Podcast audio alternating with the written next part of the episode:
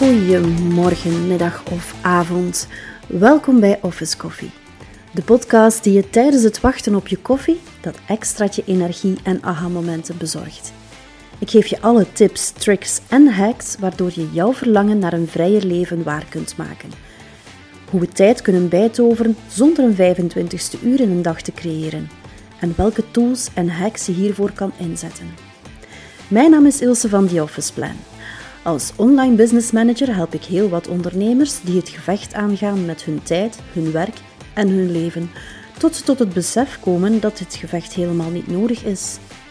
Ik weet dat niet alleen ondernemers deze struggle aangaan, maar dat het voor iedereen elke dag opnieuw een strijd is in de rat race van het leven. Als mama van vier ging ik op zoek naar wat voor mij de juiste balans bracht en ik kwam tot heel wat bevindingen. Wat ik vond is zo goed dat ik deze echt niet voor mezelf wilde houden. Kikkers eten. Niet zo'n fan van. Net zoals kikkers kussen. Want ik zag ook nog nooit een knappe prins tevoorschijn toveren, ondanks het feit dat het ons vroeger wel werd verteld.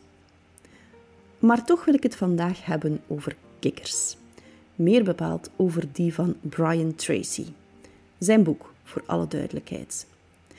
In het boek Eat That Frog heeft Brian Tracy het over het verhogen van productiviteit en het effectief behalen van doelen door het aanpakken van taken die we vaak uitstellen, oftewel de frog. De term Eat That Frog komt ook uit een citaat van hem.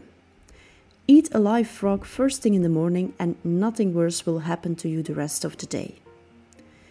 Hiermee bedoelt hij dat je als je ochtends begint met de meest uitdagende taak, de rest van de dag gemakkelijker zal zijn en je gevoel van voldoening zult geven.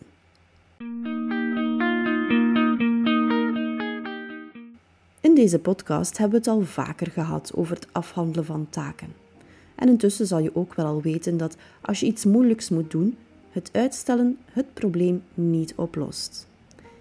Integendeel zelf, het maakt het erger, omdat de mentale angst je lijden uitbreidt. Die uitgestelde taak is zoals een blauwe plek waar je steeds opnieuw tegen aanbotst en jou steeds een pijntje geeft. Tracy past deze filosofie toe op productiviteit en legt uit dat we vaak uitstelgedrag vertonen bij taken die we als lastig of vervelend beschouwen. Dit kan leiden tot stress, verminderde productiviteit en uiteraard ja, doelen worden niet gehaald.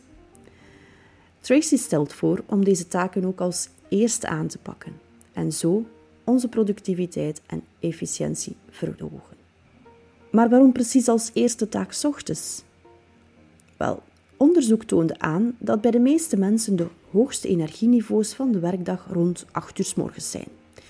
Tijdens je eerste kopje koffie kan je de wereld nog aan. Tegen 2 uur is dat net iets minder.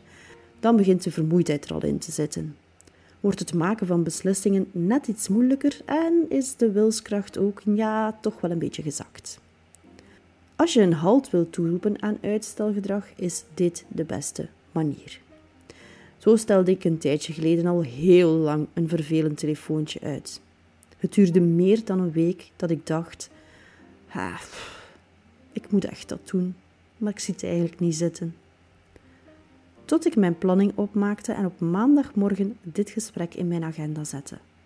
Om 9 uur op maandagmorgen deed ik het telefoontje en eigenlijk was om 2 na 9 het probleem al opgelost.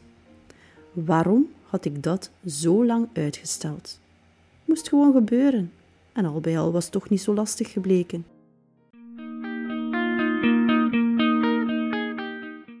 Het eten van de kikker kan moeilijk zijn maar het kan je ook een enorme boost geven.